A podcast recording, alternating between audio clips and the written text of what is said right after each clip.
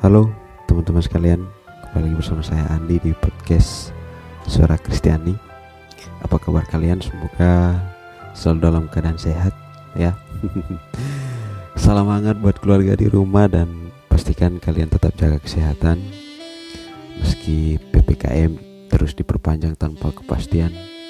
Setidaknya kita tidak pernah kehilangan harapan akan sesuatu yang lebih baik di masa depan. Misalnya duduk bersama doi di pelaminan mungkin. Ya uh, teman-teman sekalian pada kesempatan kali ini saya akan memandu kita untuk berbicara tentang sesuatu hal yang mungkin agak menarik ya di kalangan teman-teman OMK gitu ya. Soalnya gini kemarin ada yang uh, inbox di DM-nya Suara Kristiani. Uh, kira-kira dia pesannya gini ini loh kak. Aku lagi galau nih. Masa saya udah memperjuangkan hubungan saya dengan pacar saya? Eh dianya malah ninggalin gitu aja tanpa memikirkan perasaan saya gitu. Saya sempat termenung dan kemudian berpikir wah bahaya nih. Disuruh galau padahal kita tidak sedang ingin uh, sedih ya. Tapi not bad ya namanya juga cerita dan kadang tidak semua orang memiliki kisah percintaan yang mulus-mulus saja gitu ya. Seperti teman kita ini. Nah berdasarkan ceritanya si kakak ini dia mengaku sebenarnya dia tidak terlalu peduli dengan uh, ceweknya ini pergi meninggalkan dia di saat dia lagi sayang-sayangnya ya.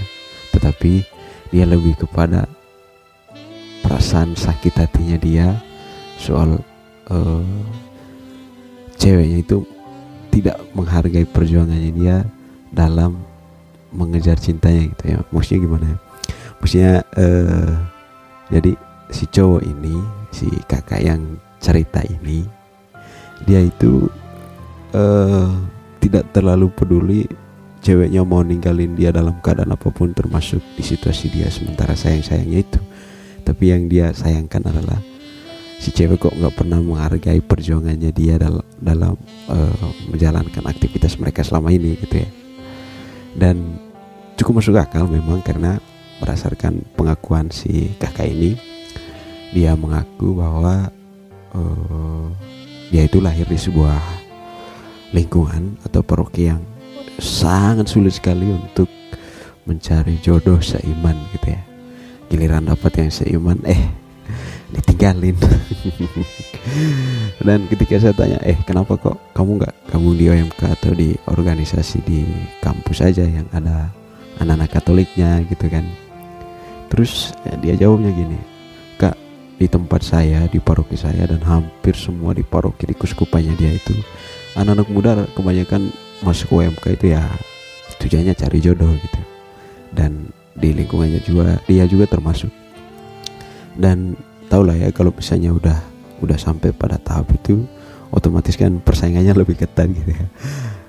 Dia akan bilang satu banding 10 gitu. Satu banding 10 artinya satu cewek diperebutkan oleh eh, 10 orang laki-laki. Saking susahnya mencari pasangan.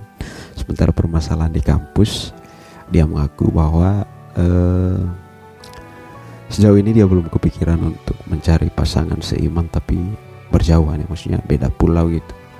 Kebetulan di di kampusnya dia banyak teman-temannya Katolik tapi kebanyakan dari uh, eh, NTT dari pokoknya dari dari wilayah timur yang menurut dia jauh dari rumahnya ya.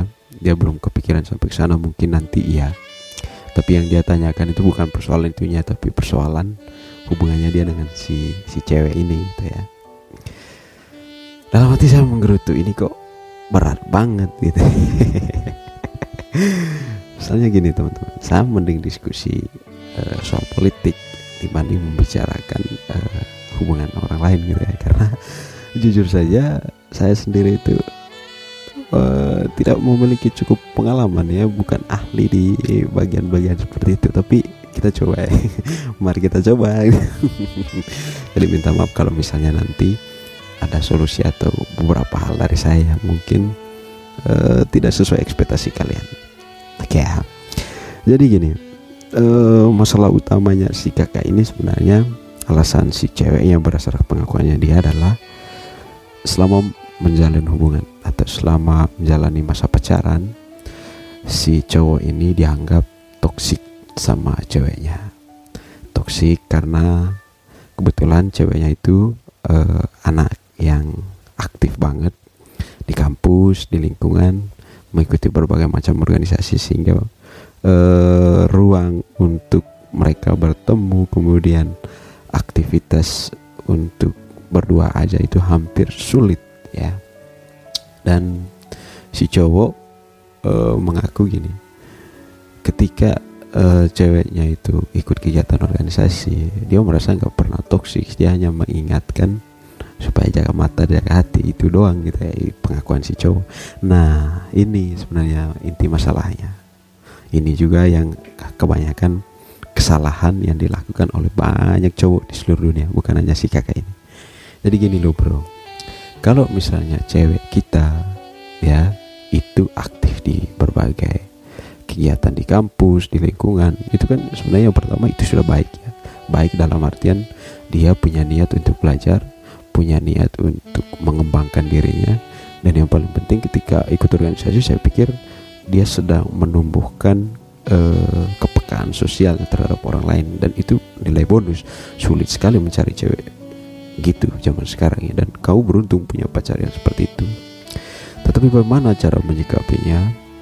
Jadi gini ketika si cewek misalnya sebelum ikut kegiatan memberitahu nih misalnya sayang hari ini uh, aku ada kegiatan di kampus nih.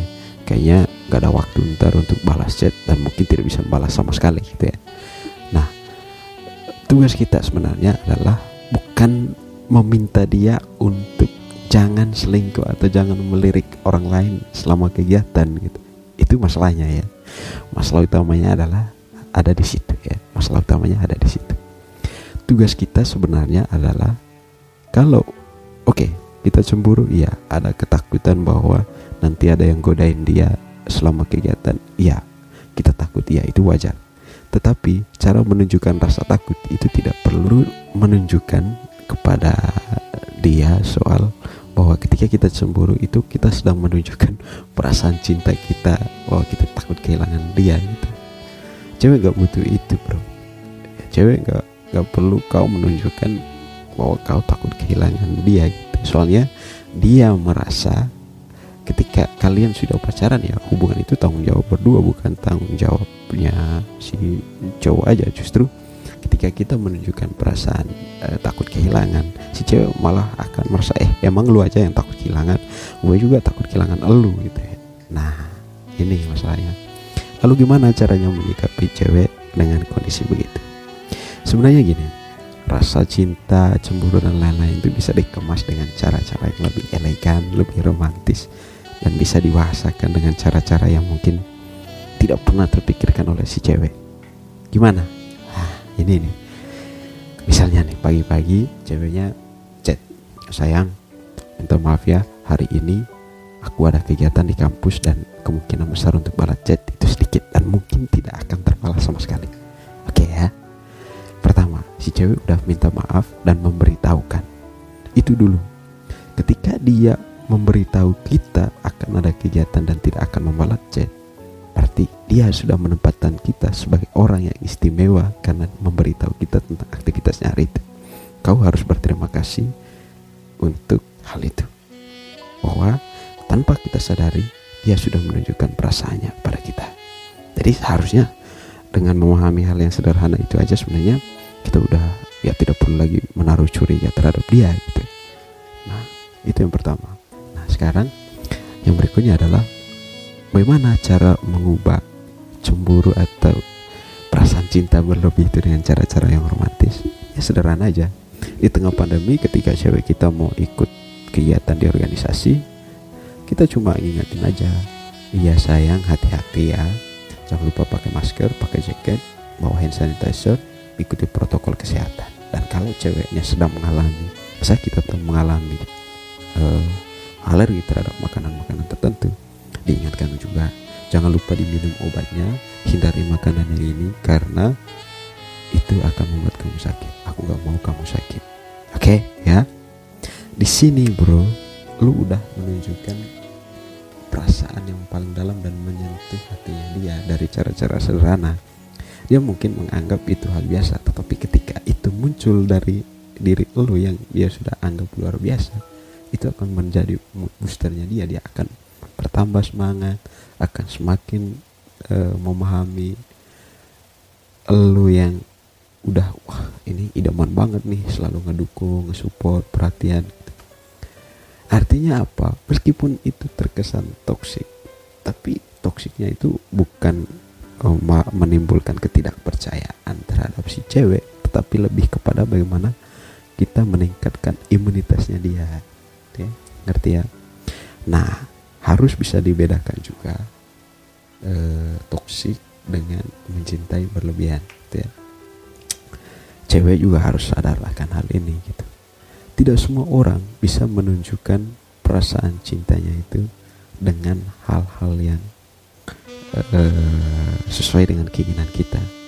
Ada yang bisa menunjukkan cintanya dengan perhatian yang uh, kok berlebihan sekali perhatian kok aku jadi ilfil gitu ya.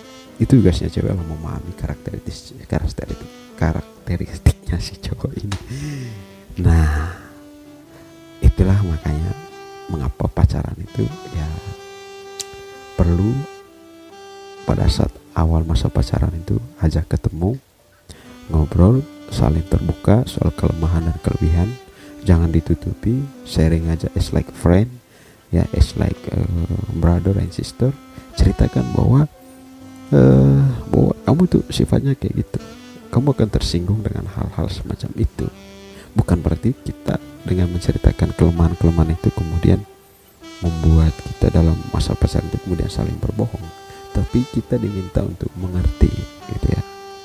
Mengerti dalam artian jangan sampai tindakan-tindakan itu menyakiti perasaannya dia atau bahkan membuat dia merasa kecewa dan sakit hati. Oke ya maka penting untuk uh, terbuka dan membicarakan. Nah dari keterbukaan itu diharapkan begini teman-teman. Kita bisa menerima kekurangannya dia kita bisa memahami kelebihan kita sendiri untuk kemudian disesuaikan dengan kelemahannya dia merasa superioritas di antara dua orang yang sedang saling sedang saling berusaha untuk mengenal satu sama lain. Gitu. jadi komunikasi itu penting. Nah dan yang ketiga yang paling penting adalah jangan lupa berdoa ya. Jangan lupa berdoa. Apa pun masalah yang kalian hadapi apa pun kendala dalam hidup kalian entah itu masalah pribadi keluarga atau sesama pasangan jangan pernah berdoa. Libatkan Tuhan dalam kehidupan percintaan kalian dan ajak dia untuk terlibat dan turut campur tangan dalam hubungan kalian. Karena hanya dengan begitu kalian akan bisa menempuh jalur seterjal apa pun dalam hubungan kalian itu pasti ada jalan. Pasti akan ada oke okay, hari ini ngambek besok baikan. Hari ini marah besok pasti merajuk. Hari ini berantem besok pasti bisa ketemu lagi. Itu makanya penting ke gereja bareng ya kan? Ke gereja bareng berdoa dengan Tuhan dan meminta Tuhan untuk selalu jangan jangan memaksa ya jangan memaksa tetapi usahakan untuk melibatkan Tuhan dalam keadaan apa pun. Terutama dalam jalin hubungan dengan pasangan gitu ya. Lalu gimana dong kak? Ini cewek saya udah pergi gitu ya. Bisa nggak apa perlu saya move on dan cari lagi aja gitu? Nah menurut saya gini loh uh, kalian pernah makan gorengan gak?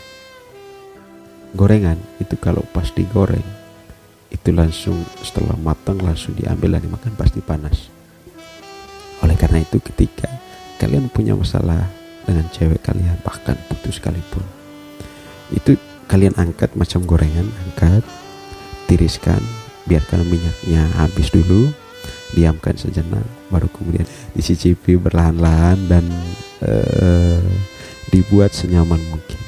Nah begitu juga dengan cewek kalian ya kakak yang tanya kemarin itu silakan uh, hubungi dia jangan hanya lewat lewat chat ya datangi dia samperin dia ajak dia ketemu.